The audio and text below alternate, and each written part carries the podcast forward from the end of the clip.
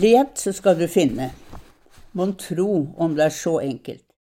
Jeg har et hjem med en bokstue, eller bibliotek om man vil.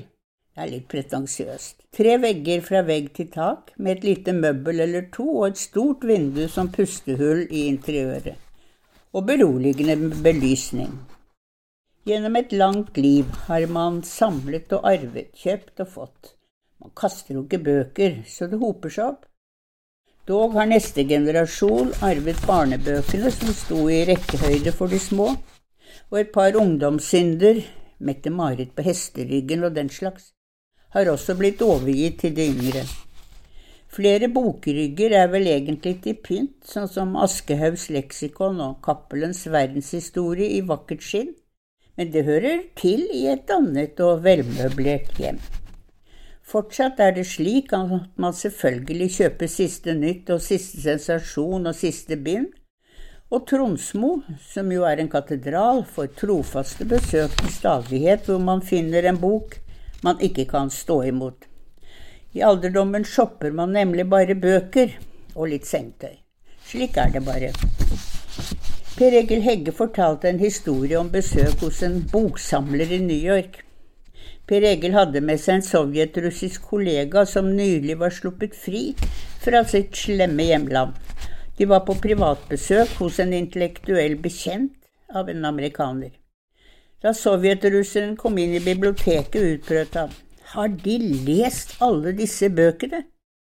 Og svaret fra verten var nei, ikke personlig. Det er et godt svar. Den store utfordringen i dette leselivet mitt med alle bøkene er hvordan finner man den lille, tynne boken man vet er i hyllene? for det er nemlig ikke system i rekkene i hjemmet.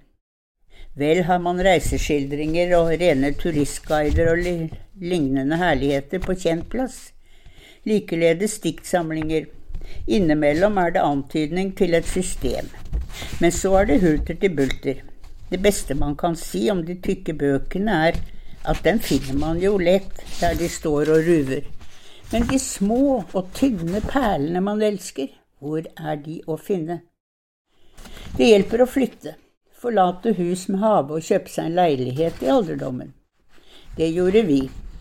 Men midt i slitet og helvete med å skifte bolig etter 30 år, og velge seg desember som tid på året for skjebnereisen, hadde vi jo ikke overskudd til å tenke system for boksamlingen. Det gjaldt å fylle på og bli ferdig, som om det hastet for øvrig, vi skulle jo bo der resten av livet. Nå leter jeg etter Fredrik Dessa. Hans forfatterskap har betydd så mye i mitt leseliv. Jeg fikk han anbefalt av Kari Grimnes, en dronning hos Nordli, som visste hvilken bok som nettopp du måtte lese. Kari er dypt savnet.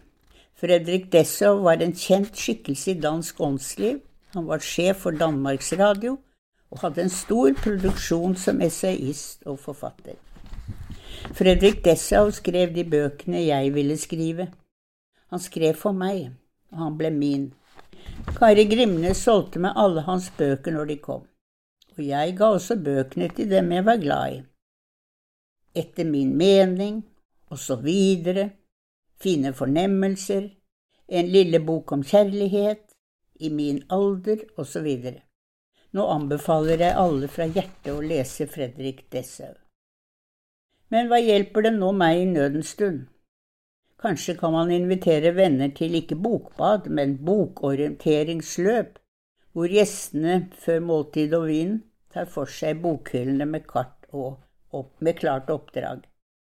Premien blir ikke hjemlån av boken, man må aldri låne bort sine bokskatter.